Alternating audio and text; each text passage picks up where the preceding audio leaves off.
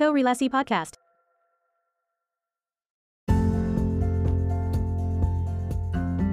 Halo, kita ketemu lagi di Korelasi, satu obrolan podcast yang ngobrolin arsitektur dan kaitannya dengan berbagai aspek dalam kehidupan. Kali ini kita kedatangan tamu spesial, uh, kita bakal ngobrol tema spesial juga seputar tektonika dalam arsitektur. Kita kedatangan Mas Gayu Budi dari Kursi Studio. Halo, Mas Gayu. Halo, selamat siang Mas Pramasta. Selamat siang, terima kasih sudah bersedia. Sehat-sehat Mas Gayu? Alhamdulillah sehat. sehat ya. Oke Mas Gayu, jadi siang ini atau di kesempatan kali ini kita sebenarnya ingin ngobrol dengan Mas Gayu seputar tema tektonik arsitektur. Tapi mungkin sebelum sampai ke sana kita bakalan ngulik dikit nih ceritanya Mas Gayu di dunia arsitektur ini perjalanannya seperti apa mungkin di awal um, ketertarikan Mas Gayu sendiri ke dunia desain atau dunia arsitektur ini uh, ada pemicunya nggak Mas? Maksudnya adakah keturunan mungkin dari orang tua atau influence dari lingkungan dan lain sebagainya? Ceritanya seperti apa kalau boleh dibagikan? Uh, terima kasih Mas Pramasta. Uh, Bismillahirrahmanirrahim ya. Uh, ketertarikan itu sebenarnya saya lebih bercita-cita dulu itu sebagai seniman sih. Oh, oke. Okay ya karena memang dari kecil suka menggambar. Karena memang uh, tapi kalau dari darah orang tua saya kan abri jadi hmm. uh, tidak ada darah seninya sih ininya.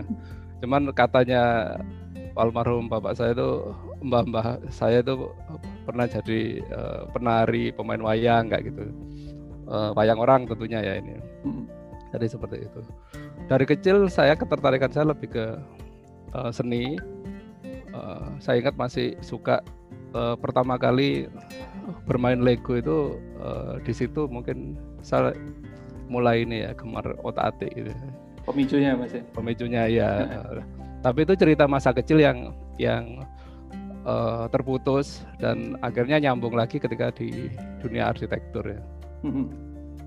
jadi pertama uh, habis sekolah sekolah tentunya senang seni ini ya segala macam seni saya ingat itu rapot hmm. saya itu nilai yang terbaik adalah kesenian mas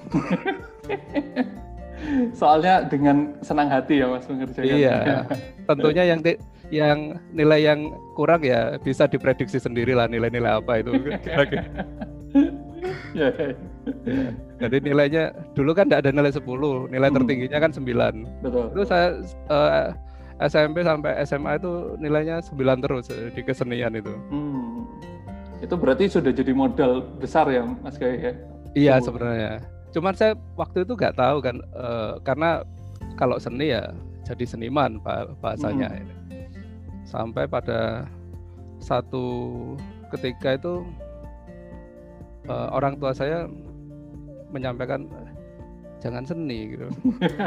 Ini orang tua selalu gak percaya sama seni ya mas. Pandangannya selalu iya. kayak masa depannya kurang stabil gitu ya. Iya. Karena kan uh, memang 20 tahun yang lalu uh, dunia seni uh, tidak semaju sekarang tentunya ya. Betul, ya. Betul. Itu uh, wajar bagi saya ini ya. Sampai pada terus kalau gak seni apa ya? Masa saya uh, kuliah yang lain gitu. yang penting ada gambarnya gitu. Oh, oke. Okay. Nah, ada ini dulu uh, apa itu? pameran kampus ya. Mm-hmm. Saya masih ingat salah satu yang saya lihat itu uh, bootnya Petra waktu itu. Oh ya? Arsitektur Petra. Terus ada arsitektur ITS juga waktu itu. Aha. Ada gambar-gambarnya gitu. Mm-hmm.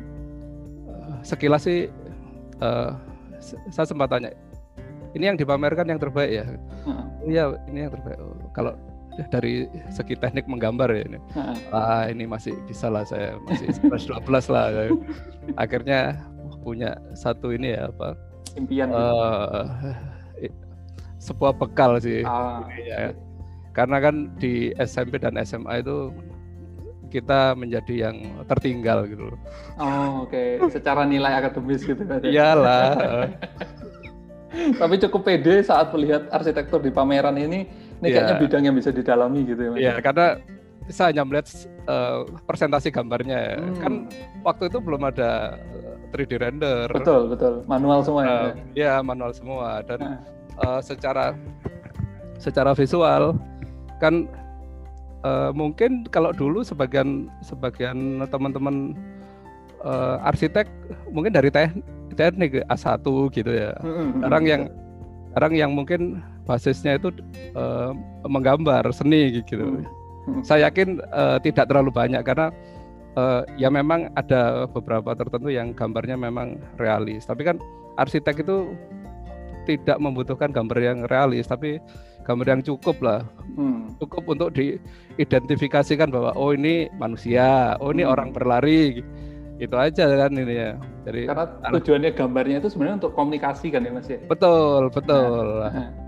Tidak uh, tidak sebagai uh, ini visual secara ini ya. Artistik secara, gitu ya. Artistik. Nah, nah kalau nggak salah ini kan saya research nih, Mas Gayu kan kuliahnya di UPN ya mas ya. Iya. Itu berarti saat sudah mencari tahu tentang arsitektur, oh ternyata keminatannya kayaknya ke sini dan lain sebagainya, itu orang tua sudah agak teryakinkan ya. Iya, karena kalau oh ya apa arsitek gitu. Pokoknya nggak seni murni gitu. Nah. oh, saya sempat ke isi loh, uh, ke hmm. mana ya Jogja ya ini. Ya. Hmm, hmm. Sempat lihat-lihat itu karena memang uh, impian saya, mimpi saya itu di sana tuh. Oh, Nah terus ceritanya bisa kemudian berakhir di oke okay, berkuliah di UPN nih. Itu gimana mas ceritanya? Ya karena bapak uh, purnawirawan TNI ya. Oh. Jadi ya. yang paling murah kan. Sebisa mungkin tidak membebani orang tua gitu. Iya, uh, direkomendasikan di sana gitu. Kalau uh, apa karena dulu uh, SMA itu bahasanya tidak khusuk belajarnya jadi ya kita ini apa uh, langsung masuk di UPN waktu itu. Hmm. Nah, saat menjalani proses studi arsitektur sendiri di UPN pada saat itu, itu makin merasa teryakinkan uh, kalau bidang ini itu akan digeluti sebagai profesi, atau sebenarnya keyakinannya setelah berkuliah itu, Mas Gayu? Oh, saya ingat awal sekali uh, kalau di arsitektur dulu kan disuruh gambar pakai pensil itu mas ya hmm. garis garis lurus gitu ya nggak boleh pakai penggaris gitu ya uh, itu itu itu awal saya uh, sangat uh, mulai uh, passion saya di dunia arsitektur itu mulai hari pertama itu ketika saya ingat waktu itu yang ngasih kuliah almarhum Pak Baskoro kalau misalnya hmm. dari uh, ITS itu ketika dikumpulkan gitu uh, beliau ini apa melihat garis-garis itu hmm. terus nah ini anu pak sketsanya arsitek gitu. Nah, wah dari situ kayak dapat ini dapat sebuah energi gitu. kayak dirinya meningkat ya setelah ya, dapat apresiasi oh, gitu. ya, ternyata uh, ternyata uh, apa ada hal yang yang yang lain ternyata di hmm. di uh, di di arsitektur ternyata menarik ternyata uh, dari situ sih ini ya baru uh, muncul ini tapi saya waktu waktu sebelum masuk itu memang saya ada salah satu kenal uh, teman kakak kelas saya hmm. itu memang kuliah di arsitektur ini ya oh. arsitektur Petra tapi dia oh. kalau nggak salah tidak lulus DO dia nggak selesai ya? Iya kan teman teman dablek waktu itu. Gitu. jadi yeah, yeah. saya beberapa kali tidur di rumahnya. Hmm. nah karena arsitek kan PR-nya kan banyak ya. Nah, dia gambar-gambar kayak gitu terus oh, arsitek kan gambar-gambar kayak gini ya? Iya yuk gini gini gini. Menarik gitu ya. Hmm, tapi harus ada idenya gitu dia bilang ada nah, temanya. ya, itu yang susah katanya gitu. Oh gitu ya. Ya ya ya dari situ sih saya juga di uh, sedikit mengenal uh, dunia arsitektur ya uh, dari teman saya hmm. itu. Ya. Oke. Okay.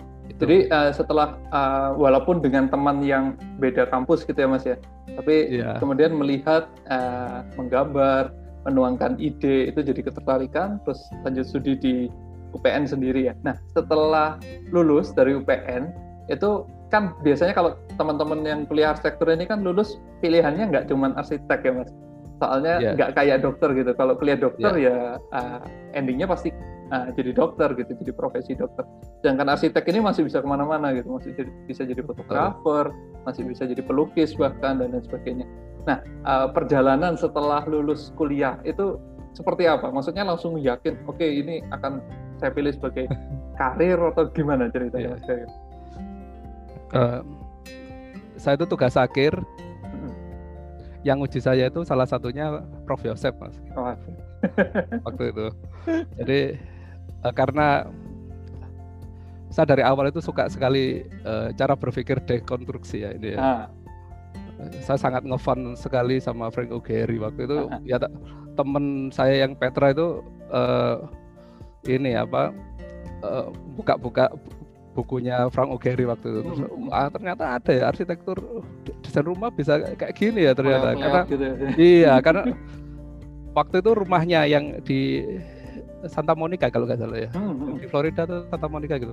Itu ya, oh, asik ternyata ya. Hmm. Itu ini keren banget dan itu yang uh, menancap di di awal sebelum saya dapat teori-teori arsitektur. itu Jadi, yang atapnya miring-miring gitu ya. Iya, ya. dari dari sekolah saya juga ini apa uh, selalu ingin ingin ini ya me, membuat satu hal yang keluar dari zona kemapanan gitu. gitu. Iya, uh, kan kalau nilai ya saya uh, memang ingin nilai bagus tapi tidak menjadi satu hal yang yang utama ini, gitu. Ya. Iya, uh, jadi waktu itu uh, tugas akhir yang uji Prof Yosef ya. Alhamdulillah uh, waktu uh, terakhir uh, Prof. Yosef itu sempat berpesan gini, kau kamu kalau bisa jadi arsitek aja dari oh siap siap Prof. Ini ya. makin tambah energi ya, ya. tapi saat itu 99 mas ini ya. 98 99 saya itu oh, ini ya. Di mana saat itu krisis, uh, krisis moneter hmm. dan turunnya lengsernya Pak Harto waktu itu. Sehingga uh, sektor real sangat terdampak. Ya.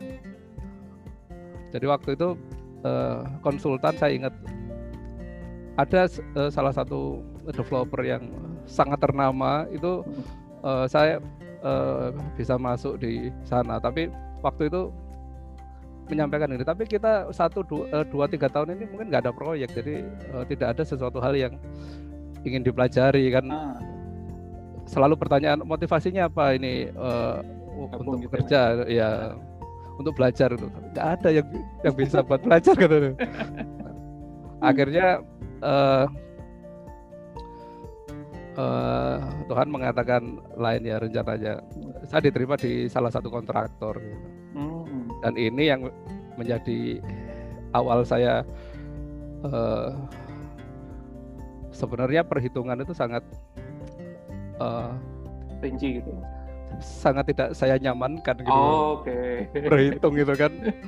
Kita itu pasti uh, dalam satu uh, kontradiksi arsitek sama uh, teknik sipil itu kan uh, selalu berseberangan gitu. Berteman tapi berseberangan iya, ya.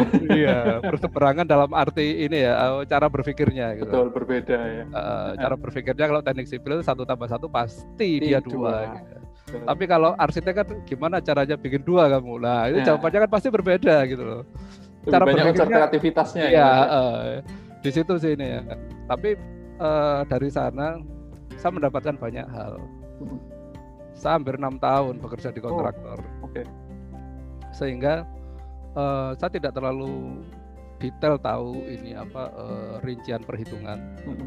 Tapi overall jika perencanaan sekian, ini duitnya pasti sekian ini. Jadi, oh, itu penting ya. iya, pentingnya seperti itu. Instingnya di sana. Yang menghitung bukan kita pun tidak apa-apa, tapi kita oh ini ini masuk ini. Ancar-ancarnya tahu ya. ya itu, uh, uh, itu yang eh, hal-hal uh, yang sebenarnya uh, itu yang harus di, di ini ya dipelajari selain teknik ini. Mm -hmm. Ilmu pengetahuan itu kan kalau kita lihat dalam kacamata tidak harus yang terlihat. Ya. Oh kalau yang terlihat ya uh, bisa kita pelajari tapi kan ada sesuatu yang tidak terlihat gitu yang hal-hal di balik layarnya iya itu. Ya. karena ada kalau uh, ini kelihatannya nggak masuk ini tapi masuk ini cara menajamkan insting, insting ya insting, jadi mas ya. Uh, terus cara bernegosiasi itu uh, saya uh, banyak sekali di diajari dari uh, pimpinan saya tentunya. Hmm. Ada pernah satu satu satu waktu ya hmm. ketika bernegosiasi kan karena saya adalah uh, satu-satu satu-satunya arsitek yang di sana dan hmm. uh, menangnya arsitek kalau di kontraktor ini saya kasih bocoran tips bocoran oh, ya. Oke, okay, boleh. Jangan pernah uh, takut untuk artinya wah kontraktor nggak desain nanti enggak jangan. Ketika ah. anda uh, teman-teman adik-adik itu masuk di kontraktor, anda itu malah menjadi satu satu ini ya satu uh, pusaran arus gitu loh. Hmm. Karena kalaupun uh, presentasi gitu ya kan ada beberapa kontraktor yang dia uh, juga membuat desain karena karena itu saya uh, diperlukan di sana. Oh, okay. Jadi setiap proyek-proyek besar itu saya selalu diajak untuk ini apa presentasi hmm. Kayak kayak uh, negosiasi itu bocoran ya.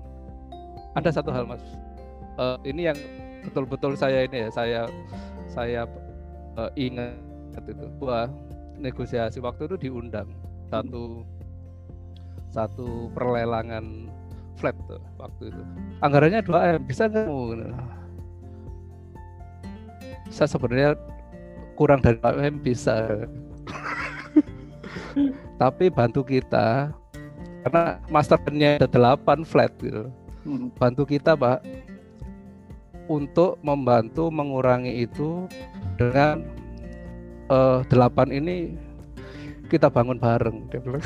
Hmm. Wah ya, itu ilmu yang luar biasa negosiasi. Jadi ketemunya 1,8 ibaratnya gitu, tapi 8 di dapat semua gitu. Wah iya ya, ternyata di dalam berpikir itu tidak uh, jangan satu satu stepping saja, hmm. ada ada hal yang lain gitu ini ya. Jadi bahasanya gitu. Kita bisa Pak membantu sampai di uh, kurang dari 2 M gitu. Hmm.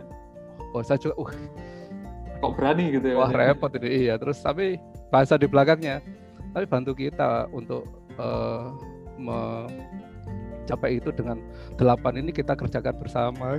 Hmm, jadi ada oh, substitusinya gitu iya. ya. Iya, jadi oh nggak masalah kalau gitu.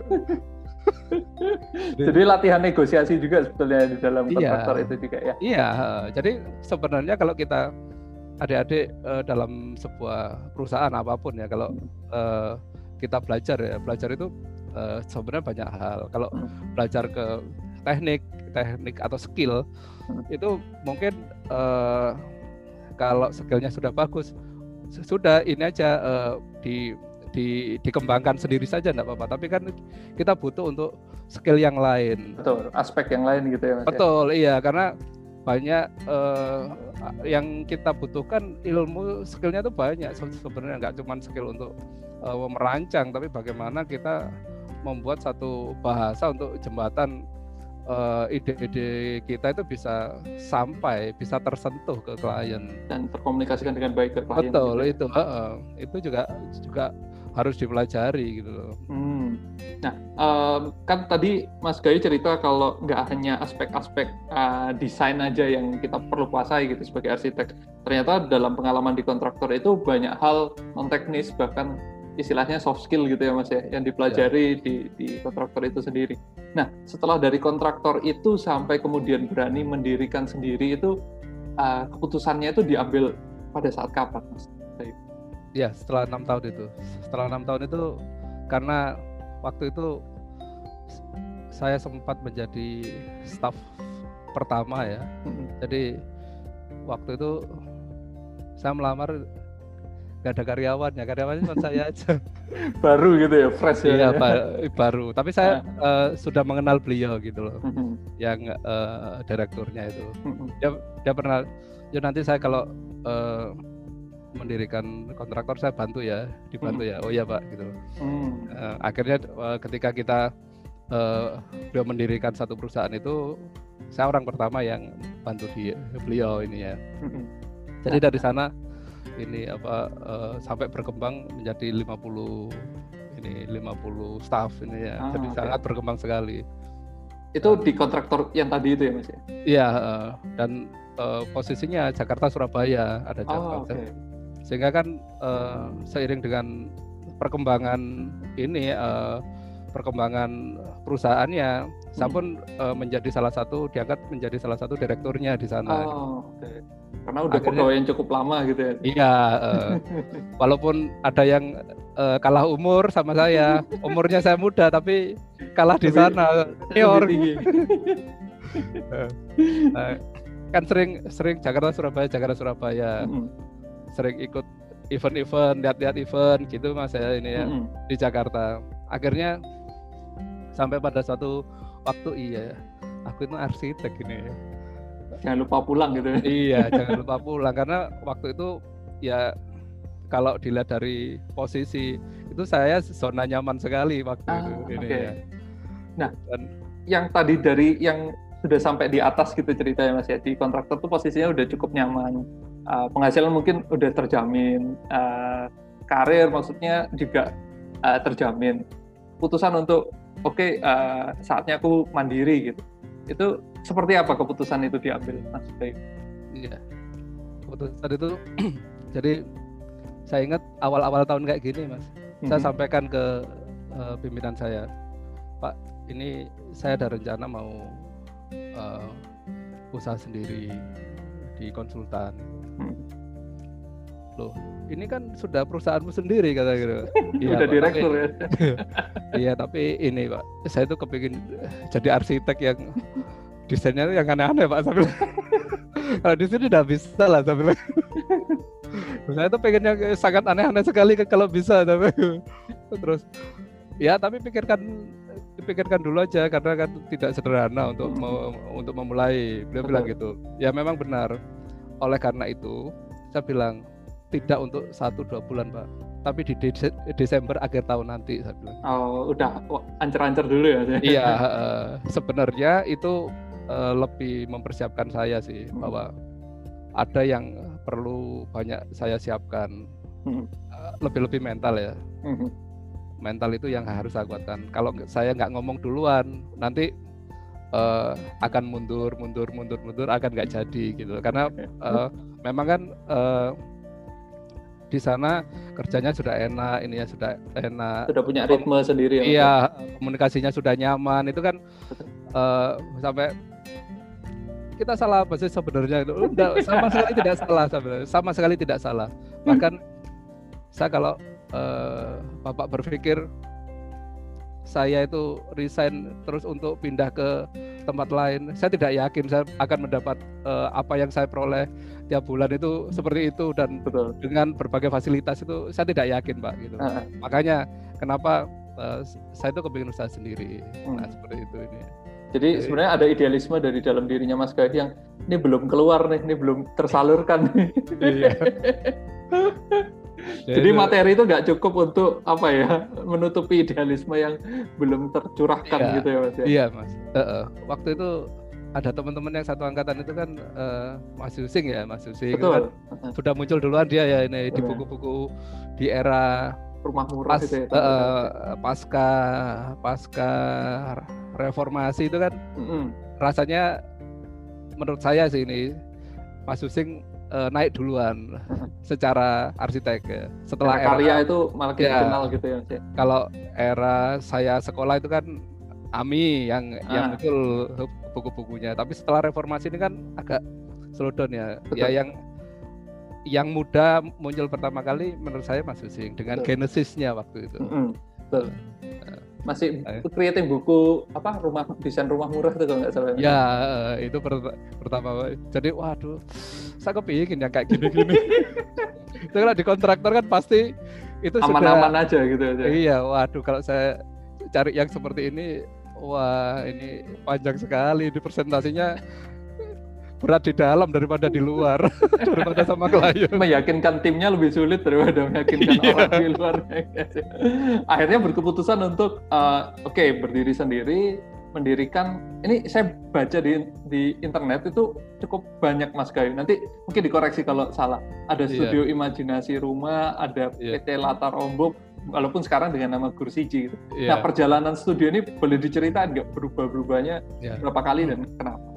Uh, jadi setelah lulus saya tuh uh, buka CV namanya Karya Muda mas ini. Oh, okay. oh ya, itu kan masih kontraktor banget ya namanya.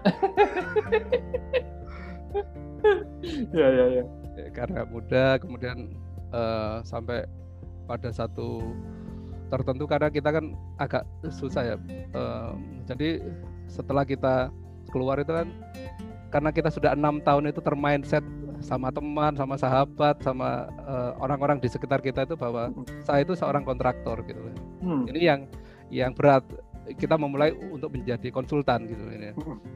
Itu yang berat. Jadi uh, awal-awal di situ uh, cukup cukup uh, struggling gitu ya Mas. Ya? Oh, struggling sekali, Mas. Iyalah apa berdarah-darah lah gitu. Mencari klien iya, gitu. Uh, uh. Nanti kalau saya ceritakan nanti kayak film India nangis-nangis tapi tapi ada ini nggak mas stepping stone stepping stone yang uh, merupakan bagian dari perjalanan penting sampai akhirnya saat ini di kursi G. Iya. Uh, sebenarnya saya mengalami tiga fase sih kalau menurut saya. Okay. Fase yang pertama adalah karya muda. Karya muda itu apa yang ada di depan kita saya makan. Sikat semua gitu ya. Kemudian fase imajinasi rumah. Imajinasi okay. rumah ini bagaimana ternyata ide-ide kita, imajinasi-imajinasi kita itu mulai diterima sama beberapa hmm. beberapa klien yang kita temui. Gitu. Hmm. Namanya sudah nggak terlalu kontraktor tuh ya, udah agak ya, geser ke iya. imajinasi ya, gitu ya. Iya, imajinasi rumah, singkatannya Imaru mas. Oh, Oke. Okay. Ya, Imaru ya, itu ya. kalau bahasa Jepang itu anak perempuan. Hmm. Kalau membahasakan anak perempuan kayak nduk gitu. Ah, Oke. Okay. Nah, gitu. Jadi uh, cukup cukup nyaman tapi home base kita uh, karena saya tuh sangat ini sama karena klien uh, memberikan satu amanah ke kita itu mulai ide sampai realisasi. Hmm. Jadi kita membuat satu ini ya kita desain and build gitu loh. Oh, oke. Okay. Kenapa build gitu loh? Ini yang uh, beberapa kali saya uh, sampaikan. Karena memang sebuah pilihan. Setiap uh, kita membuat satu desain itu kan kalau kita punya 10 desain di tahun ini 10 permasalahan yang berbeda mas ini Betul. ini ya itu yang yang ketika kita mungkin sampaikan ke teman-teman kontraktor yang notabene kecuali feelnya dap, eh, sama-sama dapat satu frekuensi itu saya seneng saya pasti akan eh, gandeng dia dia terus gitu tapi selama ini uh, berat karena uh, saya sudah enam tahun uh, belajar real cost gitu loh. Hmm. Sedang kontraktor kan bahasanya bahasa penawaran gitu loh. Iya, iya, betul betul. Gapnya kan saya tahu sekali gitu loh itu.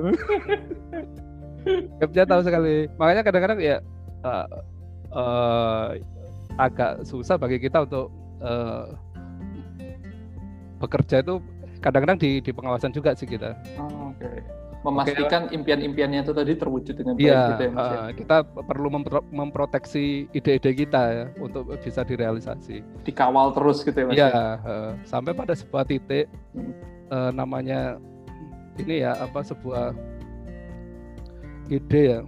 Itu karena desain and build ini kan sesuatu yang tidak lazim ya di teman-teman arsitek ya. Betul. Uh, kalau arsitek ya ya desain aja gitu ya. Dia merancang gitu loh ini ya. Hmm. Dia merancang. Ini yang yang sampai pada sebuah uh, kita itu gampang gitu. Uh-huh. Apakah saya harus tutup mata? Klien Pak, saya itu hanya desain saja gitu loh. Padahal uh, secara mungkin alam bawah sadar saya kalau membangun itu sebuah hal yang nggak repot kok gitu hmm. bangun itu gitu bisa lah ya gitu iya uh, sarana prasarana infrastruktur saya itu semua ada semua gitu. ah oke okay.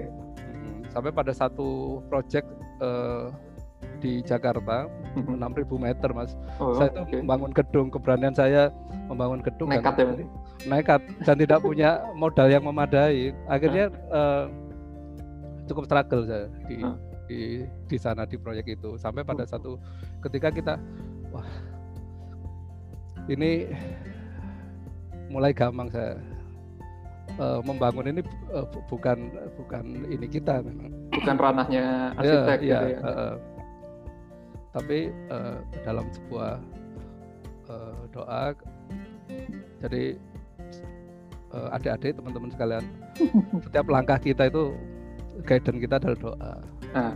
restu orang tua doa itu selalu menjadi hal yang sangat perlu dilibatkan gitu. utama gitu ya iya kita selalu berdialog sama sama baik sama ya. diri kita sama diri kita sama yang di atas sama hmm. orang tua itu harus gitu loh hmm. jadi uh, berkali-kali uh, Mas Reddy uh,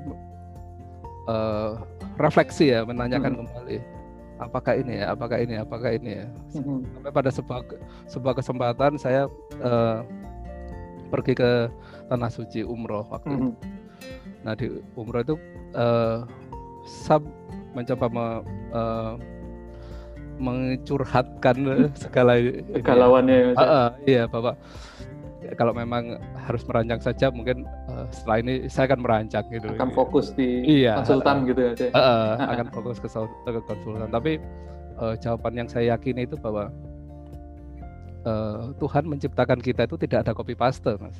Hmm. walaupun uh, anak kembar dalam satu indung telur yang sama itu pasti spesifikannya sendiri. Iya pasti spesifik. Sehingga dari sana setiap ilmu itu sudah di, di ya, dikaruniai kita itu. Jadi kenapa uh, kalau kita punya dasar seperti itu, kecuali kalau saya tidak punya dasar di kontraktor selama enam tahun gitu, yeah. Iya. uh, mungkin saya terlalu uh, gegabah untuk men karena itu sudah saya lewati dan uh, bisa kok gitu ya iya dan bisa gitu loh ini ya dan uh, sampai pada se sebuah titik yang yang cukup cukup uh, saya uh, bisa dikatakan cukup untuk untuk uh, kita melanjutkan ke usaha sendiri gitu loh. Jadi munculnya itu itu bahwa tidak ada copy paste sehingga kenapa ketika pulang saya mengganti nama menjadi Gursiji. Oh, ini fase ketiga ya Mas ya? Fase ketiga. jadi Gursiji itu apa yang kita yakini, kita pikirkan harus kita uh, pertahankan tapi kita kembangkan gitu loh. Hmm. Bukan bukan yang egois ya. Uh-uh. Karena ada uh, salah uh, satu hal yang sering dikatakan orang yang kuweke kewenceng sekali nggak nggak bisa ditekuk itu dia itu idealis gitu. Tapi kaku gitu ya. Uh, uh, menurut saya enggak kok. Ada hal yang lain. Idealis sama egois itu jelas gitu loh. Uh, okay. Idealis itu memang harus sebagai uh, uh, kita uh, sebagai perancang apa pun ya kalau nah. kita yakin dengan uh, apa yang kita yakini tentunya dengan data-data dan uh, pengalaman yang sudah kita dapatkan hmm. tidak berbohong ini itu ya harus kita kita pegang itu idealis selama dasarnya kan nilai-nilai kan, baik gitu ya mas ya iya betul tapi kan kalau kita dasarnya nilai-nilai baik ketika kita mendapatkan satu satu masukan yang itu relevan dan uh, kita bisa refleksi dan itu benar. Ya kita harus anu toh uh, open minded gitu, iya open minded ya. dan harus oh ya itu idealis gitu. Aha, tapi ya. kalau yang egois itu tidak. Lurus terus gak peduli ya. aku gak peduli. Aku yang benar kok ini. Nah padahal sudah temannya mungkin yang lebih berpengalaman sudah memberikan hati gitu uh, enggak uh, ada sebuah proteksi yang uh, benteng apa yang tidak terlihat untuk dia mengatakan tidak itu. Pokoknya meyakini diri sendiri paling iya, benar ya, gitu uh, ya, kalau uh, egois gitu ya. Itu egois uh, hmm. sehingga itu ketika uh, ganti kursi ini ya kita lebih melihat ke apa yang kita uh, budaya yang kita pijak dan apa yang berkembang uh, di dunia saat ini. Itu. Yakin tapi tetap menerima masukan, tetap ya, uh, mengembangkan diri gitu ya, tidak ya, stuck di satu titik gitu ya. Iya, kan dinamis. Ilmu kita kan ilmu yang berkembang, ya, berkembang ya, berjalan. Terus, Dan berkembangnya semakin ke sini semakin cepat juga ya mas ya. Betul. Banyak teknologi, banyak iya, ini dan lain sebagainya. Iya, nah, jadi sampai dari, yang... dari tiga fase itu tadi mas Gayu dari karya muda terus imajinasi rumah terus terakhir yang sampai saat ini gitu ya kursi itu ada filosofi khusus nggak yang mendasari atau mengilhami Gursiji dalam ranah praktek gitu mas? Ini kayaknya visinya Gursiji itu ini gitu. Itu iya. apa? Mas? Uh, jadi uh, yang pertama kan kita jangan pernah uh, berhenti untuk belajar ya yang pertama okay. ya. Karena dengan belajar itu kita bisa memandang itu dari uh, pandangan pendek atau pandangan panjang ininya. Mm -hmm. Sehingga uh, itu yang membuat kita menjadi selalu mawas diri, tidak mm -hmm. sombong, tidak adigang adigung adiguno gitu. Mm -hmm. Ini ya dalam merancang ini ya. Kemudian uh, lihatlah sekeliling kita. Kadang-kadang uh, ada memang kenapa sih ada ada beberapa teman yang lu kok Imaru tidak ada apa-apa kok diganti kursi itu gimana tuh Mas gitu. iya, saya bilang gitu. Tapi uh, jangan takut untuk merubah kalau memang itu sudah menjadi sebuah keyakinan karena nah.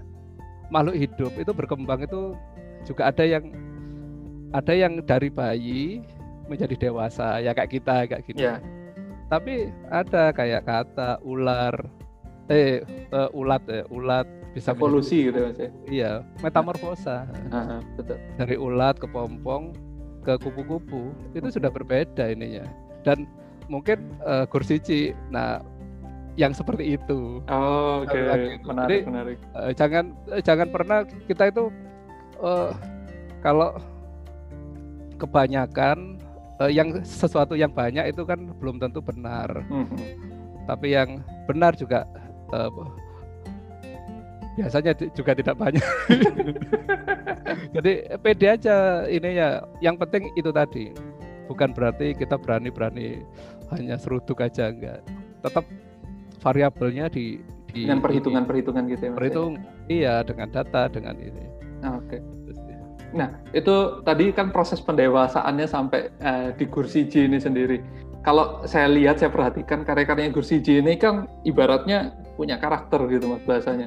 Uh, sering kali saya belajar banyak dari Mas Gayu itu uh, sesuatu hal uh, yang tidak dipakai uh, secara lazim gitu, tapi secara kreatif gitu. Contohnya ya sederhana kayak saat itu Mas Gayu share uh, bikin meja dari daun pintu, Mas Gayu itu kan uh, menarik gitu artinya yeah. ada proses kreatif di dalamnya uh, dan hal-hal lainnya rasanya karakternya Gursiji itu ke sana. Nah kalau Mas Gayu sendiri sebagai uh, prinsipal arsiteknya Gursiji itu mendefine arsitekturnya Gursiji itu karakternya yang kayak gimana sih?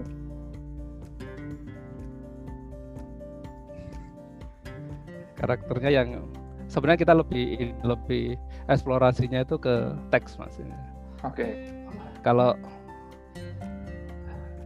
Mas Bramasta ini kan namanya Bramasta Putra Radiantanu.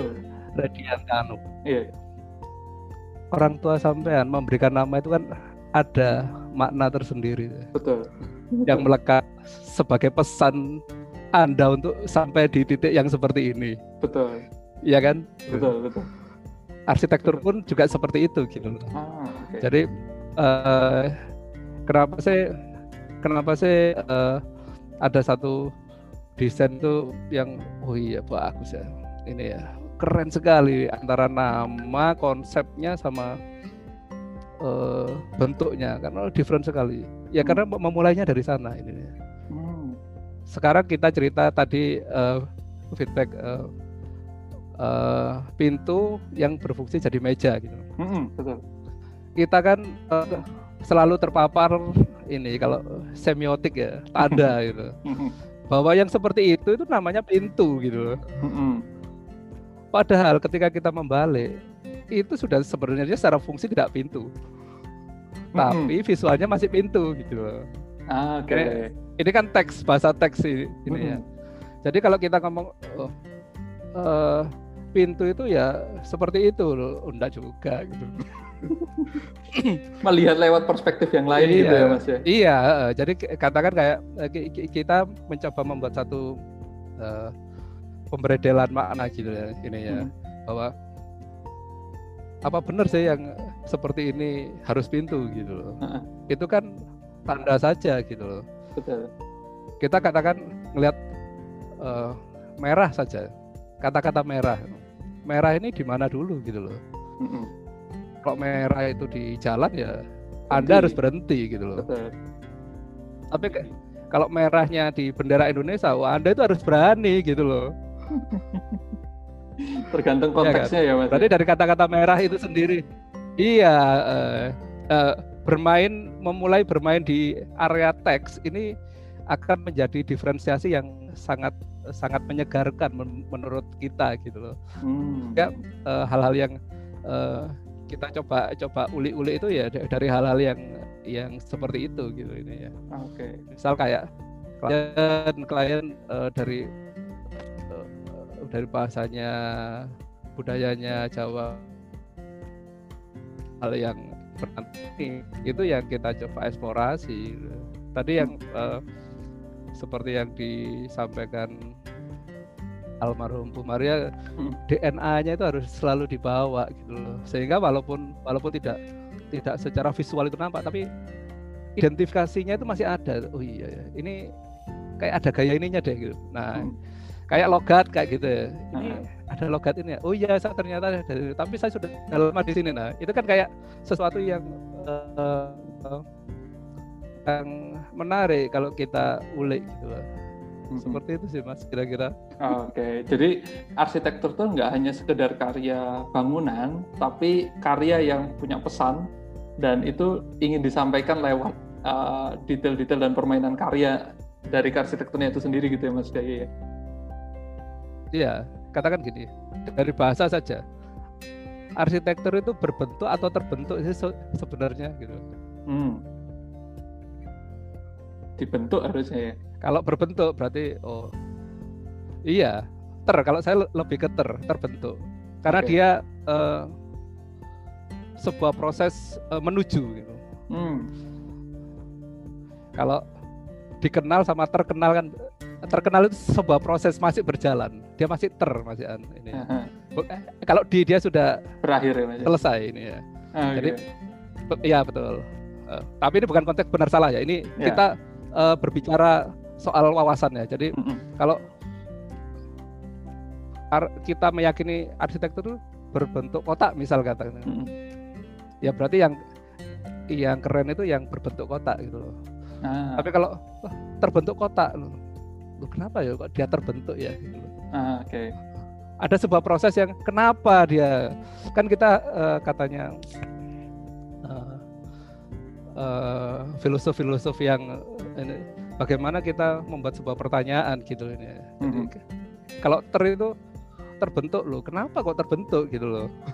Nah, terbentuk dari apa? Nah, sebuah pertanyaan-pertanyaan ini yang yang menurut kita uh, sebuah ini ya apa uh, uh, bahan-bahan dasar sebuah konsep ya. Sebelum kita memulai sebuah uh, ide proses desain. berarsitektur. Iya uh. oke. Okay. um, kan kalau ngulik lagi nih Mas Gayu uh, banyak hal-hal yang sifatnya uh, eksperimen gitu kalau boleh diistilahkan. Uh, salah satunya yang saya ingat banget itu dulu pas Mas Gayu main-main fasad di karya rumah Rawamangun kalau nggak salah itu ada uh, tekstur bata oh, iya. tapi dibuat lengkung-lengkung gitu itu saya juga termasuk yang penasaran sampai yeah. kemudian Mas Gayu share kalau nggak salah di Facebook ya Mas Gayu jelasin itu caranya yeah. gimana dan lain sebagainya itu uh. Uh, sekreatif itu bahkan nah kalau boleh uh, diceritain proses kreatifnya itu uh, sejalan nggak sih sama proses pembangunan uh, atau konstruksi gitu ya istilahnya atau sebenarnya semuanya selesai bertahap gitu. Oh desainnya selesai baru kemudian uh, fokus di konstruksi gitu. Karena kan kayaknya kalau saya tebak ada proses-proses kreatif yang terjadinya itu paralel. Di proses pembangunan masih ada perancangannya gitu. Itu kayak gimana ceritanya mas Kay? Uh, ibarat sebuah perjalanan ya arsitektur itu ada dua kelompok besar cara berpikir menurut saya ada yang bicara destinasi dan ada yang bicara prosesnya gitu. Nah saya lebih cenderung ke prosesnya. Okay. Artinya gini, ketika kita sudah membuat satu uh, usulan desain ya, hmm. yang sudah kita sepakati sama-sama dengan klien, gitu. Hmm. ketika dalam sebuah proses perjalanan itu kan, uh, jadi rencananya itu bukan pakai yang media bata itu, pak. Hmm mas kita pakai genteng yang kita lengkungkan sebenarnya dulunya. Mm -hmm. tapi ketika itu sudah sudah kita coba dan itu sudah uh, disetujui sama klien ada sebuah pertanyaan besar. Sampai kapan genteng ini uh, menempel? Iya menempel di situ gitu. Padahal di bawah itu ada banyak aktivitas gitu. orang berjalan ada kendaraan ada ini khawatir ya mas jadinya. Iya uh, kan uh, kenapa sih kita itu sebagai profesi yang uh, yang sangat menjunjung kode etik ya? Itu karena di sana. Kode etik itu yang yang secara harfiah itu menanyakan ke kita yaitu aman apa enggak? Gitu. Mm-hmm. itu nanti kalau jatuh crack ya kalau mobil penyok bisa. ya, kalau kepala gitu oh, jadi itu yang membedakan uh, profesi kita itu kenapa sih uh, arsitek sama dokter itu hampir sama. Karena apa menjunjung tinggi nilai sebuah kode etik gitu. Mm-hmm itu bisa tapi ketika itu uh, membahayakan nyawa ya kita akan sam sampaikan ini. Memang memang bisa. Itu kita lebih proteksi lagi bisa tapi effortnya akan besar. Apakah itu itu cukup relevan gitu antara uh, kita mengejar yang seperti itu gitu. Apakah nah, kita gitu ya Mas ya eksplorasinya uh, kembali gitu ya? lagi ke uh, klien mm, untuk kita sampaikan bahwa Pak ini boleh nggak uh, kita uh, desain lagi untuk yang seperti ini. Ini materialnya saja, tapi bukan untuk untuk Bentuk, uh, bentuknya. Hmm. Bentuknya uh, karena karena itu sudah sudah menjadi bagian dari ini ya apa, konsep awal. Jadi uh, kita tidak rubah, hanya materi pe, pembentuknya saja yang kita coba uh, kembangkan gitu sesuai dengan dengan uh, apa sesuai dengan tingkat keamanannya. Gitu. Iya. Jadi kreatifnya jalan, tapi amannya juga tetap terjaga gitu ya mas ya, karena kan kita uh, di profesi yeah. arsitek tuh dituntut untuk uh, memikirkan segala hal termasuk keamanannya itu tadi gitu ya. Iya, betul mas. Betul. Nah, kan berarti banyak sekali eksplorasi yang berkaitan sama materiality gitu ya mas ya. Uh, mulai dari tadi yeah. pakai hal-hal yang uh, tidak biasa gitu istilahnya kayak genteng mungkin bisa jadi dinding dan lain sebagainya. Apakah semua karyanya Gursiji itu melakukan pola yang sama? Apakah selalu memikirkan kembali apakah material ini nggak bisa dibuat yang lain ya gitu? Apakah semuanya seperti itu atau ada juga proyek-proyek yang oh ya udahlah ini ini jalan biasa aja nggak perlu terlalu dieksplorasi gitu? Uh, gini, dalam menyikapi sebuah desain itu kan ada yang beberapa hal. Misal ada seorang sahabat yang meminta tolong untuk untuk ini ya untuk untuk merancangkan beberapa desainnya ke ke kita gitu. Mm -hmm. dengan sebuah konsepsi yang yang menurut kita tidak tidak dalam genre kita misal kayak gitu tapi bagi saya uh, tetap saya kita akan berikan satu ini satu satu usulan tanpa kita anu tanpa kita me, harus kalau kita harus ini kalau enggak uh, enggak itu uh, kita uh, tetap masih mendengarkan hal-hal yang yang kalau masih terima masukan gitu ya, ya, ya? Masih terima masukan. Kecuali itu kalau sifatnya hal-hal yang uh, fundamental, misal kekuatan, struktur, oh, aturan-aturan, aturan-aturan uh, pemerintah itu uh, kita akan kekeh ini ya. Mm-hmm. Kalau perlu kita mundur juga tidak apa-apa kalau yang seperti itu. Tapi uh, tidak banyak sih mas. Biasanya itu dari teman baik gitu yang sudah kenal saya sudah lama sekali itu yang kadang-kadang mereka itu kalau Saguyan uh, itu kalau kamu klien tak tolak rasanya kayak gitu. Jadi karena teman sendiri ya ya guyon aja gitu. Jadi didukung gitu ya mas sama sama apa ya istilahnya? Sama klien sama kepercayaan. Itu uh, proses kreatifnya itu akhirnya bisa menjadi atau terwujud itu karena sebenarnya banyak dukungan juga gitu ya. Iya sebenarnya uh, apa yang kita inginkan itu itu sebenarnya apa yang akan terjadi itu saya masih meyakini itu sih ini ya. Mm-hmm. Apa yang sudah kita yakini itu uh, insya Allah pasti terjadi ini ya. Oke. Okay. Makanya dalam setiap doa kan kita selalu ya semoga dimudahkan, dilancarkan. Mm-hmm. Ketika itu teramini kan berarti uh, ya uh, sesuatu itu datang karena kita uh, konsistensinya di sana ini ya. Oke. Okay. Nah, uh, berikutnya tadi Mas Gayu sempat cerita kan, Mas Gayu sempat berpengalaman di kontraktor, terus kemudian sempat juga design and build gitu, artinya mencoba menggabungkan keduanya. Sampai di satu titik, oke okay, berfokus ke perancangan saja gitu ya Mas ya, uh, nggak nggak nggak nggak design and build gitu cerita, masih sampai sekarang. Tetap tetap uh, tetap, tetap design and build karena uh, saya meyakini bahwa manusia itu diciptakan uh, copy pastenya gitu sehingga oh, okay. apa yang saya yakin itu uh, ketika klien menyampaikan ke saya untuk sampai ke amanah sampai ke pembangunan kita akan ini kerjakan tapi ya. yang eh, yang yang membedakan kita sama kontraktor adalah kita tidak pernah membangun yang bukan dari desain kita oh, okay. itu ya ya ya itu yang membedakan desain and build dan kontraktor itu di sana keyakinan saya gitu. Oke, okay. jadi pemahamannya adalah kalau selama ini adalah karya pemikiran kita, kita juga terus sampai pelaksanaannya itu yang di, dilaksanakan oleh kursi gitu ya Mas ya. Ya. Tapi kalau itu karya orang, betul. ya, ya enggak gitu ya. Betul. Kalau sudah karya orang itu jatuhnya kontraktor gitulah ya. Iya, betul. Keyakinan okay. kita seperti itu. Nah, terus uh, kan ya. Uh, sorry. Monggo.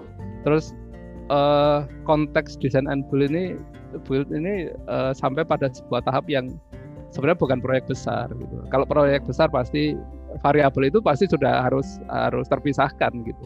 Tapi kalau proyeknya masih uh, proyek yang sifatnya katakan rumah tinggal domestik gitu ya, atau ya, al iya di bawah kalau rupiah ya di bawah 5 10 M itu masih masih bisa dikerjakan sendiri tapi di atas itu sudah sudah pasti harus ada ini karena uh, tidak mampu untuk uh, menghandle semuanya gitu ya mas ya? Ya uh, tetap harus ada ilmu-ilmu yang lain. Oke. Nah berarti kan uh, karya-karya atau eksplorasi-eksplorasi kreativitas-kreativitasnya Mas Gayuh ini boleh dikatakan terjamin atau terkawal kalau memang itu di build sendiri sama Mas Gayuh gitu. Nah uh, menurut pemahamannya Mas Gayu ini apakah semua arsitek? Ya. Tadi terputus ya suaranya jadi, Mas Brahmastra. Ya jadi misalkan apakah semua karya atau kreativitas yang sudah diupayakan Gursiji ini kan sudah pasti terlaksana kalau design and build gitu ya Mas ya? Kalau ya, kalau betul, kita berkreativitas terus kita sendiri yang melakukan uh, pasti terjamin sesuai sama yang diusulkan di awal gitu. Nah, menurut Betul. Mas Gayu sendiri, apakah kalau arsitek ini mau berkreativitas, haruskah desain and build, ataukah sebenarnya masih ada kesempatannya untuk uh, diserahkan ke kontraktor gitu? Oh ya, dua-duanya benar itu mas. Karena uh, kalau saya desain and build itu karena memang sejak saya saya enam tahun di kontraktor, sehingga okay. uh, ketika saya membangun itu uh, pengalamannya sudah ada. Tapi kalau kalau belum ada, jangan. Karena hmm. apa? Karena uh, ada banyak hal yang yang ini yang yang unpredictable kalau di dalam sebuah bangunan. hmm Kalau nggak belajar di kontraktor.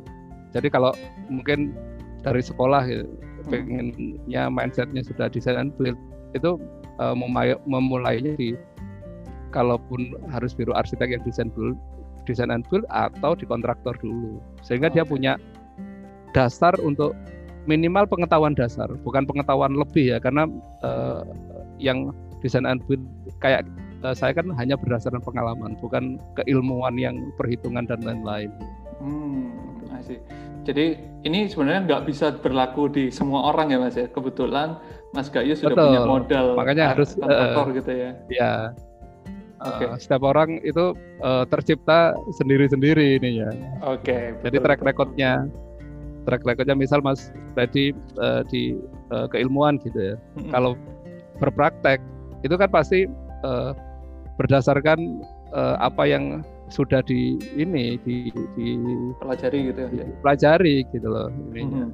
sama seperti itu sih ini Oke, okay. jadi sebetulnya ini sharing tapi bukan memaksa semua orang harus seperti itu gitu ya. Ini karakternya Enggak. Mas Gayu sendiri iya. gitu ya. Iya.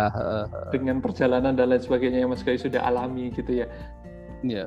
Oke, okay. terus kemudian Mas Gayu uh, dalam hal detail itu kan uh, Mas Gayu sampai cukup rinci gitu kalau saya lihat uh, sampai hal-hal yang apa ya istilahnya kayak jalurnya listrik pakai pipa, pipanya diekspos dan lain sebagainya itu um, apa yang mendasari keputusan oke okay, ini harus sangat rinci gitu atau oh ini proyeknya uh, global aja deh ini yang lebih umum-umum aja gitu itu seperti apa pertimbangannya? Uh, pertimbangannya se sebenarnya ini sih kalau karena kita passionnya di arsitektur ya mm-hmm. kita suka hobi di situ ngulik di situ uh, kita betah berlama-lama di sana ya dasarnya ya karena suka itu sehingga ketika apa pun ketika itu menjadi sebuah hobi menjadi sebuah uh, profesi itu memang sebuah hal yang sudah nyaman. Kalau nggak salah Pak Ridwan Kamil dulu pernah hmm. uh, menyampaikan seperti itu. Yang paling enak itu ketika hobi dibayar gitu. Betul, betul, sepakat. Jadi kalau sudah melakukan hal yang disenangi terus kemudian iya. diapresiasi yeah. itu lebih lebih menyenangkan lagi gitu. Ya, uh, puncak tertinggi seorang desain and build itu ketika bangunannya uh, terbangun sudah diserah terimakan dia masih punya hubungan yang baik sama kliennya bisa bertamu bisa berkunjung. Itu adalah penghargaan terbesar seorang arsitek atau seorang kontraktor gitu. Betul sepakat. Atau desain and build gitu profesi apa pun itu. Karena proses kita cukup panjang. Beda hmm. kalau uh, kayak dokter. Dokter konselingnya sebentar. Hmm. Kalau desainer itu paling tidak panjang waktu. Iya sepanjang waktu gitu loh. Ketika kita masih nyaman, uh, ketika uh, misal ada uh, karena rumah tinggal ya saya uh, beberapa sering sekali itu ketika klien nyampaikan uh, Mas ini kok kok ada yang bocor ya? Oh ya Pak, saya lihatnya ini ya. Hmm. Kita uh, bisa uh, klien bisa menerima itu sebagai hal yang yang ya memang uh, setiap setiap pekerjaan itu kita kepinginnya 100% sempurna. Uh, sempurna. Nah, tapi kan uh, kita tidak bekerja sendiri, kita bekerja hmm. tim dan uh, kadang ada pengawasan yang lolos. Tapi kita tidak uh, jangan pernah me, uh, menyepelekan ya, nggak tahu bahasa menyepele, menyepelekan itu apa? jangan apa ya istilahnya? Jangan jangan tidak teliti gitu ya jadinya ya, Mas. Iya, uh, uh, jadi uh, jangan tidak menghiraukan uh, hmm. ketika klien itu menyampaikan sebuah sebuah apa, pesan ke kita gitu. Pesan itu kan tidak harus dengan pujian, nah, tapi juga dengan sebuah sebuah ini, sebuah apa? sebuah sebuah hal yang lain gitu loh. Hmm. hmm. Kan pelajaran juga Betul, betul. Intinya. Betul.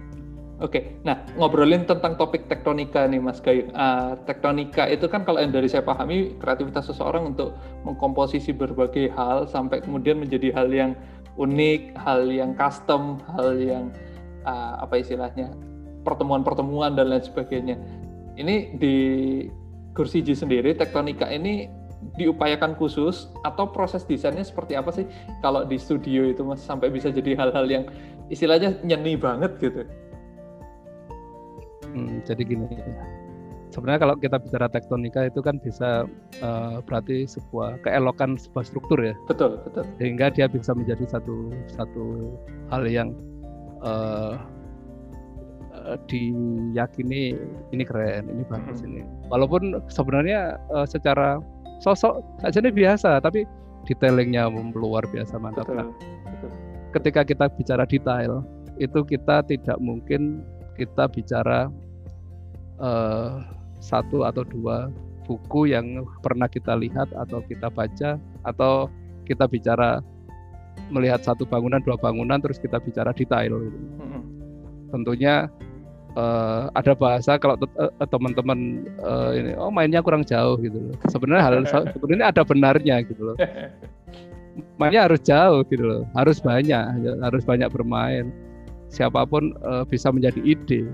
Referensi gitu, siapa pun gitu, iya, siapa pun bisa menjadi guru, siapa pun bisa menjadi uh, hal yang bisa kita angkat gitu loh. Sebenarnya ketika kita belajarnya sudah banyak, sebenarnya apa pun itu sudah bisa uh, kita angkat. Katakan kita bicara uh, sebuah sambungan. Gitu. Sambungan ini kalau dibikin gini uh, seperti ini. Eh kalau nggak dibikin gini seperti apa gitu. Kadang uh, di di kita sih ketika membahasakan cara berpikir ini bikin 10 dulu deh gitu.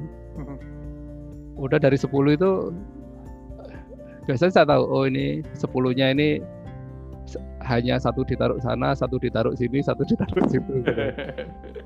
itu uh, dalam konteks pemikiran uh, angka kan uh, saya tadi uh, pernah menyampaikan bahwa arsitektur itu bicara angka kalau bicara angka itu ayo coba bikin angka dua gitu loh. Mm -hmm. Itu kalau sama anak saya yang masih SD ya mungkin satu tambah satu lah mm-hmm. cara menjawabnya. Gitu. Betul. Tapi tidak seorang arsitek. Kalau arsitek nah. satu tambah satu ya sudah kamu harus sekolah lagi di SD saja deh gitu. Berarti kan kalau sebuah arsitek untuk mengukir sebuah angka dua itu ya dari akar pangkat kuadrat berapa dikalikan hmm. berapa dibagi berapa integral mencari kemungkinan-kemungkinan lain gitu ya, ya probabilitasnya semakin banyak kosa rupa angkanya hmm. itu hmm.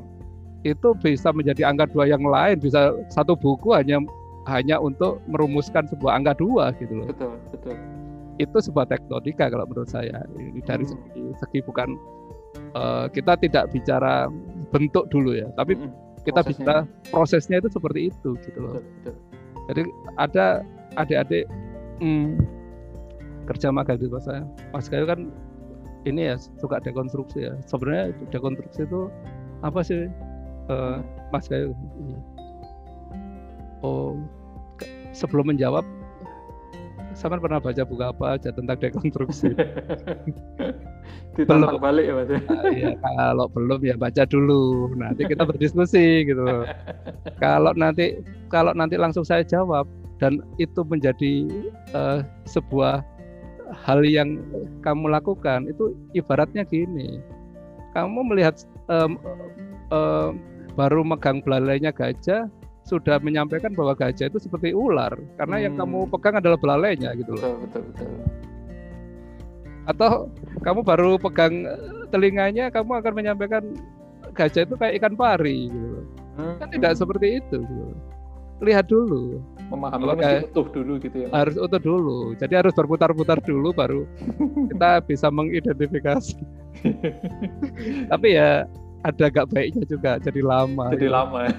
Iya, jadi lama. Jadi kalau di tempat saya itu ada beberapa klien yang ya uh, memang dia sudah bisa presentasi bang oh belum ya pak. Saya belum serk ya. Oh gitu ya. Tapi biasanya kalau seperti itu saya kirimkan proses kita gitu. Ah, Okay. Saya kirim Pak ini uh, karena Bapak bertanya, saya mengirim, tapi tidak untuk dikoreksi, tidak untuk di. Ini masih sedang dimasak gitu ya Mas? Iya, tidak sedang diiyakan, tidak ah. untuk dinilai saya bilang gitu. betul, gitu. Ini betul. hanya saya ingin menyam, mm, saya ingin menyampaikan bahwa saya tidak diam gitu. Sudah lewat minggu, lewat bulan gitu.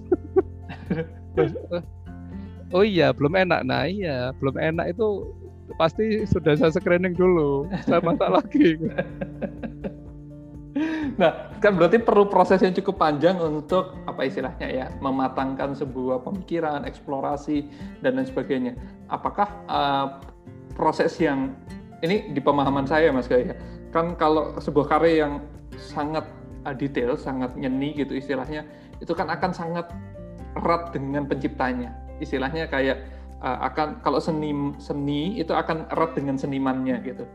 Nah, apakah uh, proses yang terjadi di kantor Kursiji ini atau studio Kursiji ini uh, semuanya sangat bergantung ke Mas Gayu gitu. Artinya apakah semua hal yang keluar ke klien itu semuanya sudah melalui tahap screeningnya di senimannya atau di Mas Gayu?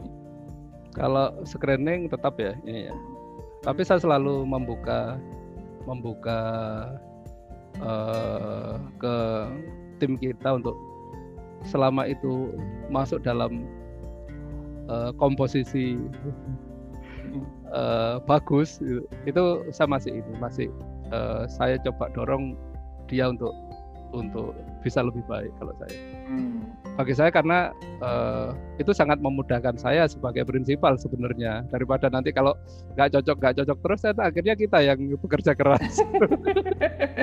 Jadi sebenarnya ke tim itu masih diberikan kepercayaan untuk mengeksplorasi oh, juga gitu ya mas ya. Sangat kalau di di tempat saya sangat. Okay. Kalau dia bagus, uh, saya hanya me, menyampaikan ketika membuat sebuah olah geometri pastikan geometrimu itu ada pijakannya. Oke. Okay.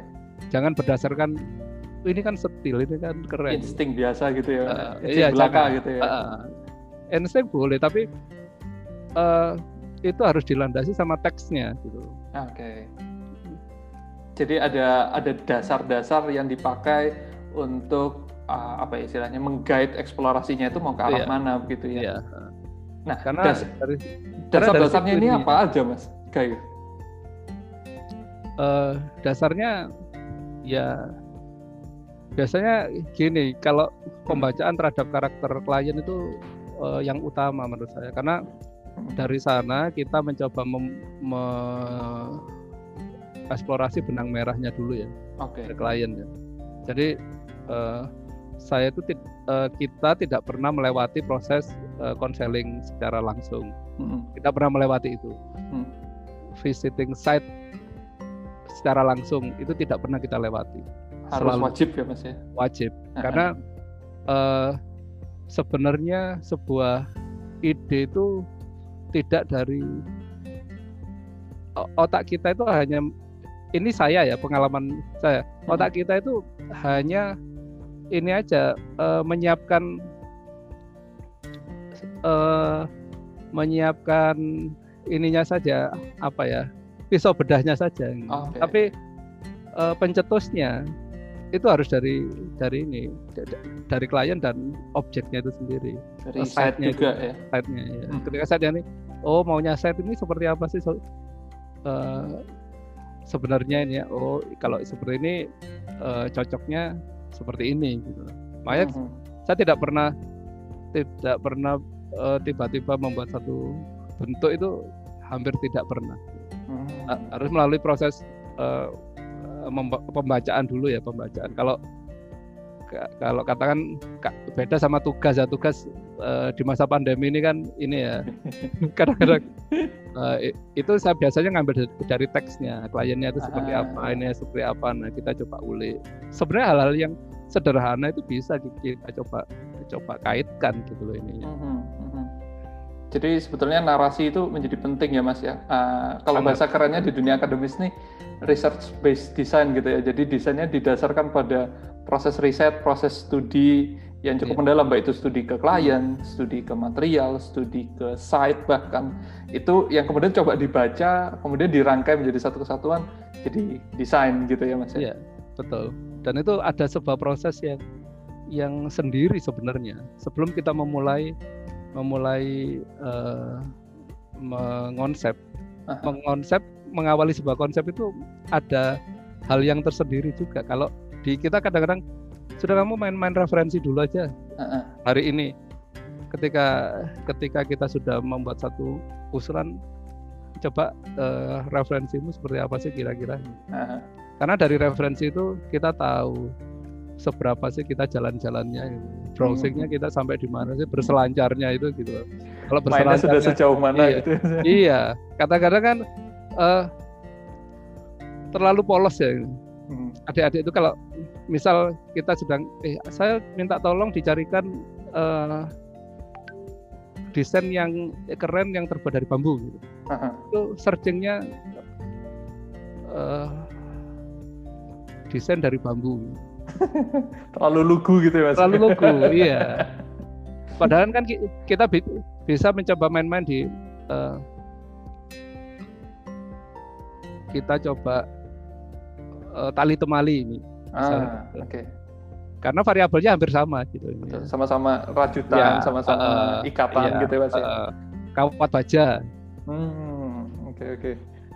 Finishing art kawat baja kayak gitu.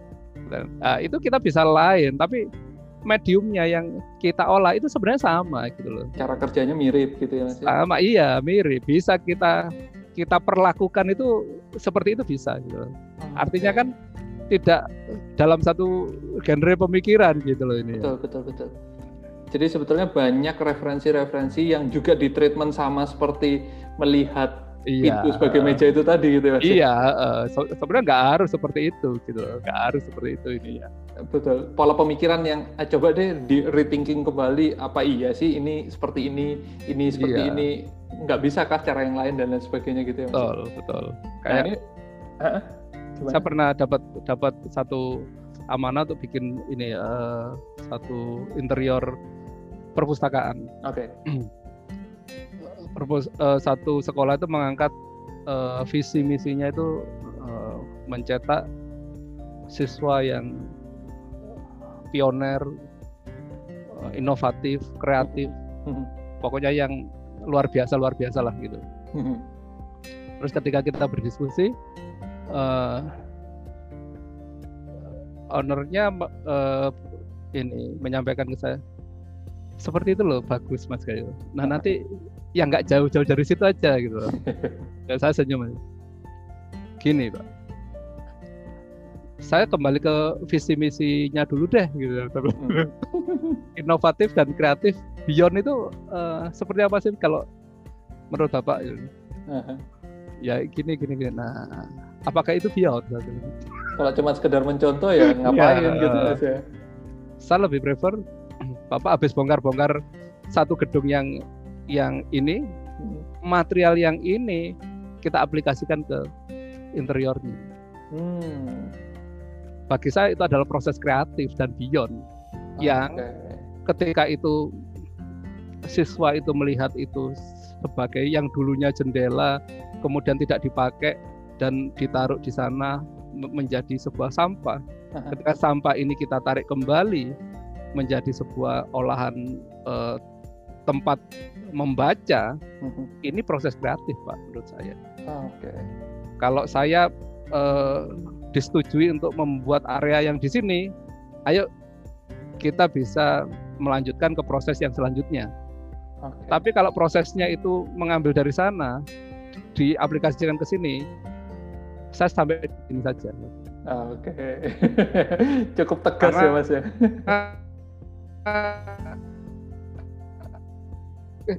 Iya, iya, karena kan itu saya terkunci di situ. Hmm, oke oke oke.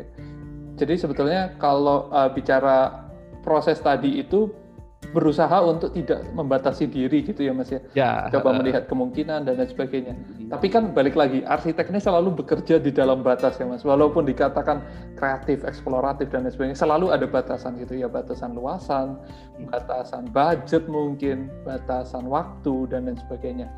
Apakah concern-concern ini dalam tanda kutip kemudian membatasi proses kreatif dari kursi ini sendiri? Kalau proses kreatif itu tidak akan bisa dibatasi, Mas. Okay. Logiknya gini, Mas Redi mau ke Jakarta nih, mm -hmm. tak kasih sangu sepuluh ribu ya. okay. Kalau sampean nggak kreatif, sampean nggak akan jalan. Gitu. Iya betul. Kalau kreatif, oke, okay, aku tak gandol lah sama teman saya, ah. atau saya tak nebeng-nebeng truk-truk itu, nanti uangnya sepuluh ribu ini tak uh, bikin jadi makan atau hmm. atau apa sehingga saya bisa sampai ke Jakarta. Hmm. Nah, sampai ke Jakarta ini adalah sebuah sebuah proses kreatif kita. Oh, Oke. Okay. Nah budget, waktu dan lain-lain aturan itu itu yang uh, perlu kita siasati sebenarnya. Jadi kalau kalau dalam bahasanya gini, mungkin uh, Mas Redi sangat sering mendengar sebuah budgetnya sekian, ya, jadinya sekian. Oh, uh -huh. jangan. Bukan, bukan di situ. arsitek tidak berada di ranah itu gitu. Hmm. Tapi ketika kita uh, sebenarnya kalau hampir ada karakter klien yang Pak uh, kita budgetnya sekian loh Pak. Oh gini, awal kita nggak usah bilang budget. Hmm. Awal itu kita bicara kita mau ngapain sih sebenarnya. Hmm. Kalau Bapak bicara, oh kita ke ke Banyuwangi deh gitu. Oke Pak, kita ke Banyuwangi ya. Oke, kita siapkan konsepnya budgetnya eh, lima ratus ribu oh lima ratus ribu pilihannya banyak pak bisa naik ini naik ini naik ini sehingga itu menjadi sebuah tekstur sebuah visual fiestanya ketika kita mencapai ke Banyuwangi gitu oh, oke okay. ya jadi uh, itu yang kita bicarakan gitu. okay. tapi ke Banyuwanginya tetap gitu loh Betul, betul, betul. Jadi ibaratnya kalau mau bikin rumah itu ya prinsip dasarnya sebuah naungan itu terpenuhi, tapi Aduh, mau kulitannya ya. segala macam, mau bentuk yes, apa uh, segala macam itu ya ya kita bermain di di batasan di situ. itu. Iya. Gitu, ya. Karena yang bisa dibatasi itu itu. Tapi sebenarnya keinginan, kreativitas itu tidak bisa, bisa dibatasi. Ya, jangan dibatasi dulu karena kalau dibatasi dulu jadi saya berkeyakinan imajinasi itu selalu didepankan, baru hmm. logik mengikuti, mengamini gitu. Mensupport aja gitu ya, iya. ya Mas ya. Orang ke bulan itu mimpi dulu kok. Iya betul. Kalau nggak ada mimpinya nggak nyampe bulan. Iya nggak nyampe gitu loh. Iya kan gitu loh. Jadi sebetulnya kalau ada batasannya itu justru bisa membuat orang menjadi kreatif ya. Justru dengan ya, budget nggak terbatas, lahan seluas mungkin ya nggak ada kreativitas di dalamnya gitu ya mas ya. Malah bingung malah. Betul betul betul sepakat sepakat. Nah berkaitan sedikit mas dengan implementasi kekreativitasan ini. Nah, tadi kan mas Gayo bilang design and build, terus kemudian banyak detail-detail yang dimainkan. Apakah kemudian pertanyaannya tukang ini jadi penting banget dong di dalam prosesnya mas Gayo? Uh, penting itu maksudnya uh, gini, apakah arsitek sebagai inisiator idenya lebih penting mana? Apakah arsiteknya sebagai inisiator idenya atau justru tukang yang bisa mewujudkan itu gitu? Sebenarnya ini ya, itu satu hal yang yang uh, tidak dalam konteks mana duluan gitu. Ah, Oke. Okay. Tapi uh, itu sebuah hal yang satuan gitu ya. Iya, satu kesatuan di mana sebenarnya kita punya uh, skill untuk membayangkan karena kita sudah punya uh, variabel ilmunya. Hmm. Sedang uh, teman-teman yang di lapangan, khususnya Pak uh, para tukang itu hmm. punya pengalaman untuk merealisasikan, membantu mewujudkan. Iya, mewujudkan itu, sehingga uh, mewujudkannya bisa uh, bergantung uh, sama bahasa kita bisa pakai peng, uh, pengkodaan kayak apa Mas Andi Rahman itu kan mm. bikin satu pengkodaan gitu loh. Uh. Ada ada yang bahasa yang oh, ini pokoknya di Samen Garap saja Pak. Pokoknya beda saja gitu. Kalau nggak salah uh, Pak uh, Eko Prawoto pernah menyatakan udah di, dibikin kayak gini aja. Nah, nanti kreativitas itu, tukangnya uh, gitu ya. Uh, bukan berarti uh, beliau tidak tahu hasil jadinya. Beliau sangat paham sekali dan ingin me membuat membebaskan supaya ada letupan-letupan uh, yang lain gitu loh. Hmm. Nah, menemukan menemukan sesuatu sehingga uh, menjadi satu hal yang uh, ini ya tidak bisa terprediksi ya. Betul, Tapi betul. bagus gitu loh. Di, di prosesnya pasti bagus. Mungkin uh, seperti itu juga juga hal yang boleh bisa diangkat gitu loh. Ini kan kita bicara uh, apa yang kita lakukan gitu loh. Sehingga kita melakukan seperti apa ya bebas gitu. Kita punya hmm. prediksi kalau di sana. Ini mesti bagus ini. Udah diajak aja deh gitu. Loh, terus gimana? Pokoknya ini dibikin gini gini gini sama lakukan habis gak usah dipikir berat-berat gitu. Nah, akhirnya kan mereka dengan betul, iya ternyata bagus Pak ya kalau gini. Nah, menem membantu menemukan sebuah sebuah hal yang yang lain ini sebuah kepuasan kalau saya. Oh, Oke. Okay. Ketika iya Pak ternyata bagus Pak, iya bagus ya, iya. Justru kejutan-kejutan ini menjadi kepuasan tersendiri ya Mas. Iya. Kan? Uh, uh, karena kita me, me, berarti oh ini sama gitu.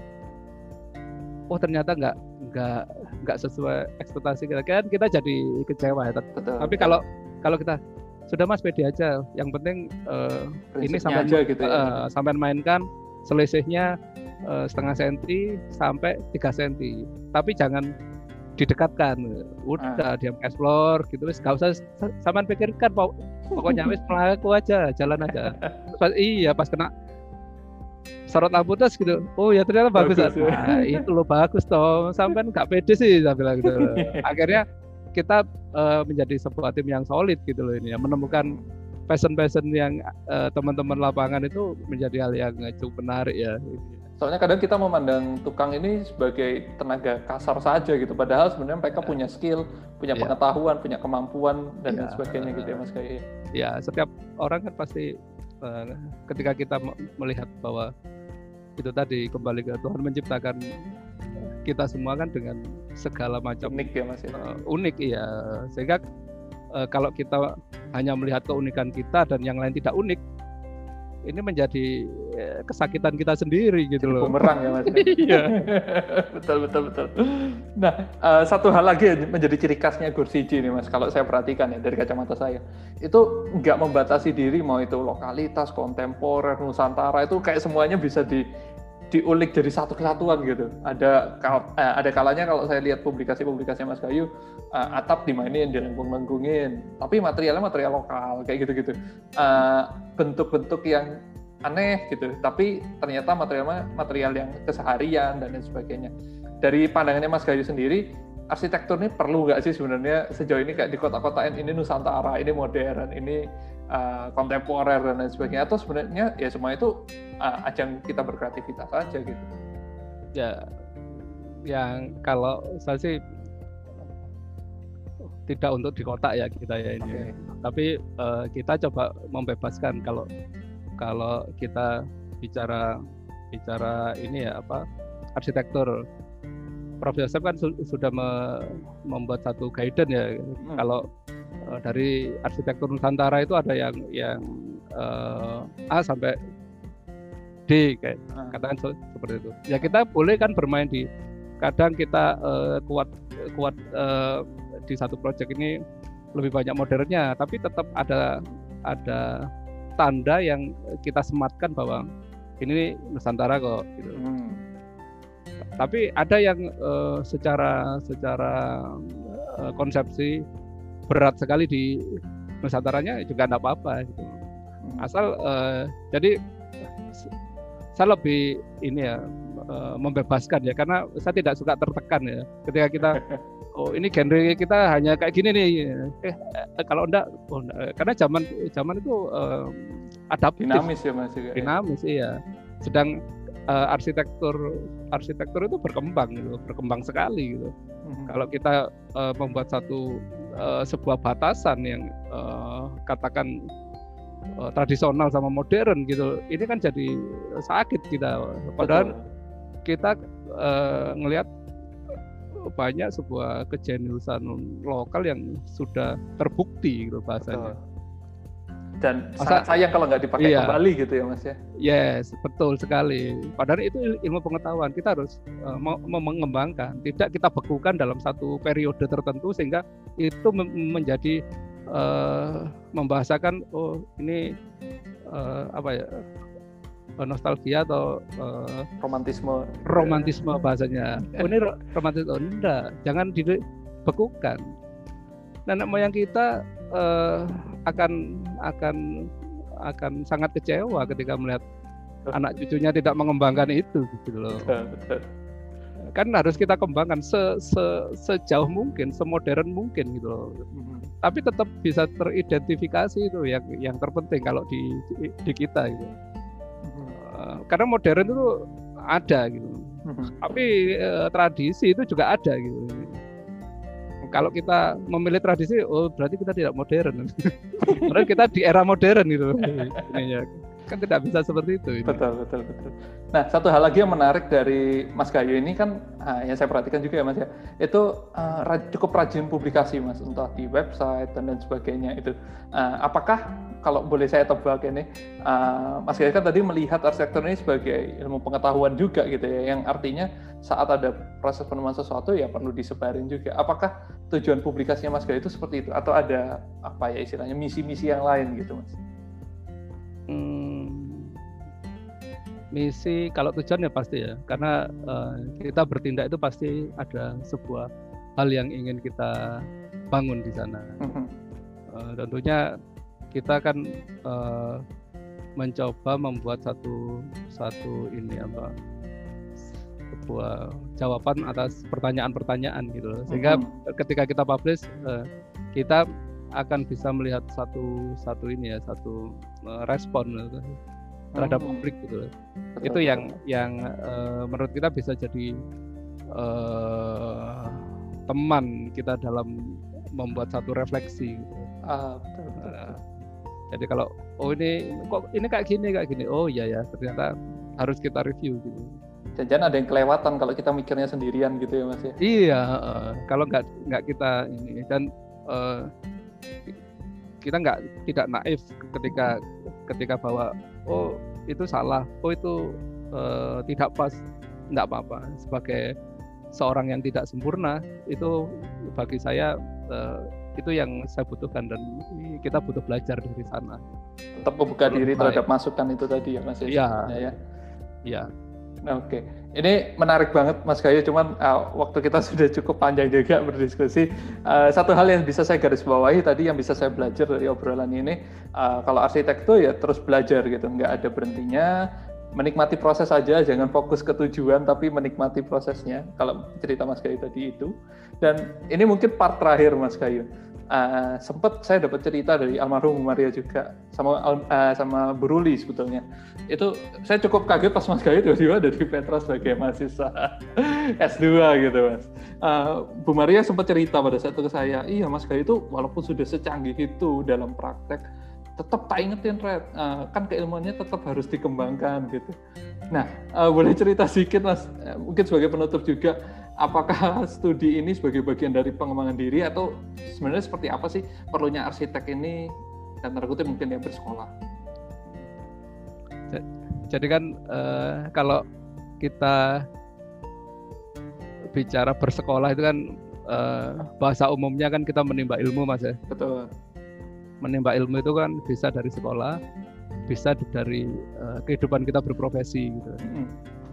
Jadi kalau saya menimba ilmu dalam kehidupan bersekolah itu sampai di tahun 1999. Mm-hmm. Sekarang eh, uh, 21 berarti uh, saya kemarin memutuskan untuk sekolah itu 2020 ya ini ya. Berarti 20 tahun gitu loh. Berarti memang sudah selayaknya uh, habis saya uh, bersekolah di dunia profesi terus bersekolah lagi di di bangku sekolah gitu. Ah saya menganggapnya seperti itu supaya okay. kalau ibarat mobil gitu uh, kita di inilah apa uh, dibengkelkan lagi, diservis kembali. Di upgrade juga ya mas? Di upgrade, oh iya pasti loh, harus upgrade rasanya. Oke, okay. ya. Menarik banget Mas Gayu. Banyak hal-hal yang kita bisa pelajari dari obrolan-obrolan ini. Uh, Mas Gayu mungkin ada pesan untuk teman-teman mungkin ya yang uh, akan memulai karir sebagai arsitek atau sedang apa ya galau juga mungkin kayak tadi perjalanannya Mas Gayu galau uh, di proses profesi sebagai arsitek. Monggo uh, pesan-pesan ya, mungkin. Uh, ya pesan buat adik-adik ya yang yang pertama kembangkan berkembanglah setinggi mungkin ya, karena mindset kita itu yang yang membuat kita kita mau perangkat, kita mau berjalan, berlari, berlari kencang atau terbang itu dari kita sih sebenarnya ini. Mm-hmm. Sehingga uh, apa yang sudah kita yakini harus tetap kita raih, kita capai. Hmm. Tapi tentunya dengan sebuah standar ilmu pengetahuan. Ilmu pengetahuan bisa kita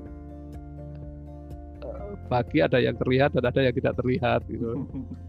yang terlihat ya kita uh, bersekolah ini ya ukuran-ukuran standar-standar itu uh, sebuah ilmu yang bisa kita tapi ada sebuah hal yang uh, tidak terlihat yaitu hmm. tentunya alam kesempatan tradisi budaya dan lain-lain ini hal yang uh, perlu kita jadikan sebuah variabel untuk membentuk sebuah kearsitekturan kita itu. Jadi keberagaman ya ini ya bahasanya almarhum itu, itu yang uh, kita coba bangun gitu. Jangan pernah takut karena uh, sebenarnya kita di Indonesia itu punya segalanya. Sehingga apa pun itu bisa kita capai, kita raih untuk sampai ke titik tertinggi kita tentunya. Hmm. Ya. Seperti itu sih. Oke. Okay baik jangan capek belajar gitu ya Mas Gaya iya betul. Dan diri terus berfokus juga pada tujuan yang sudah kita tetapkan.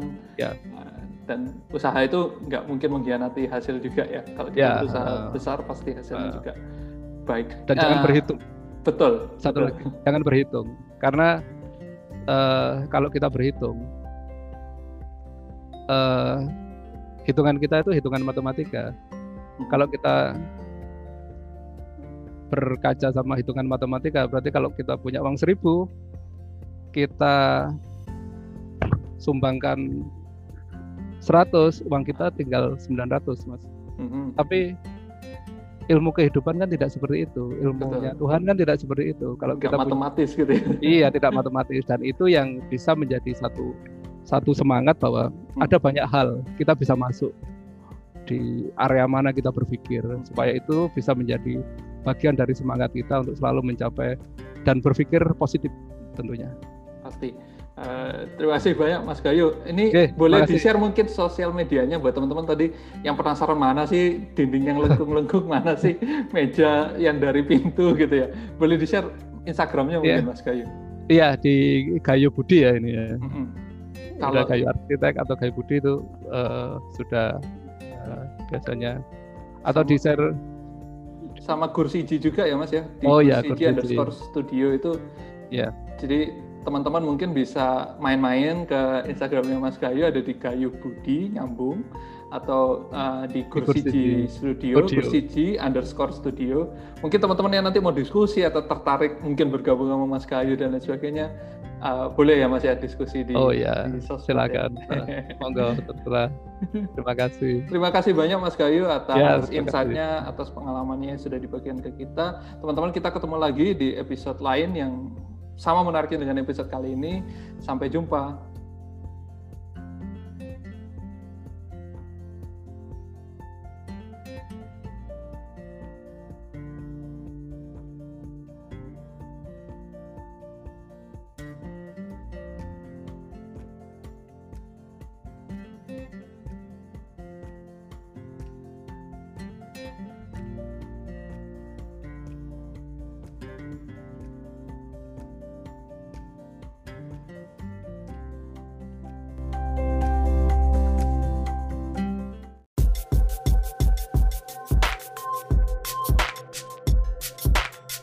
You for listening.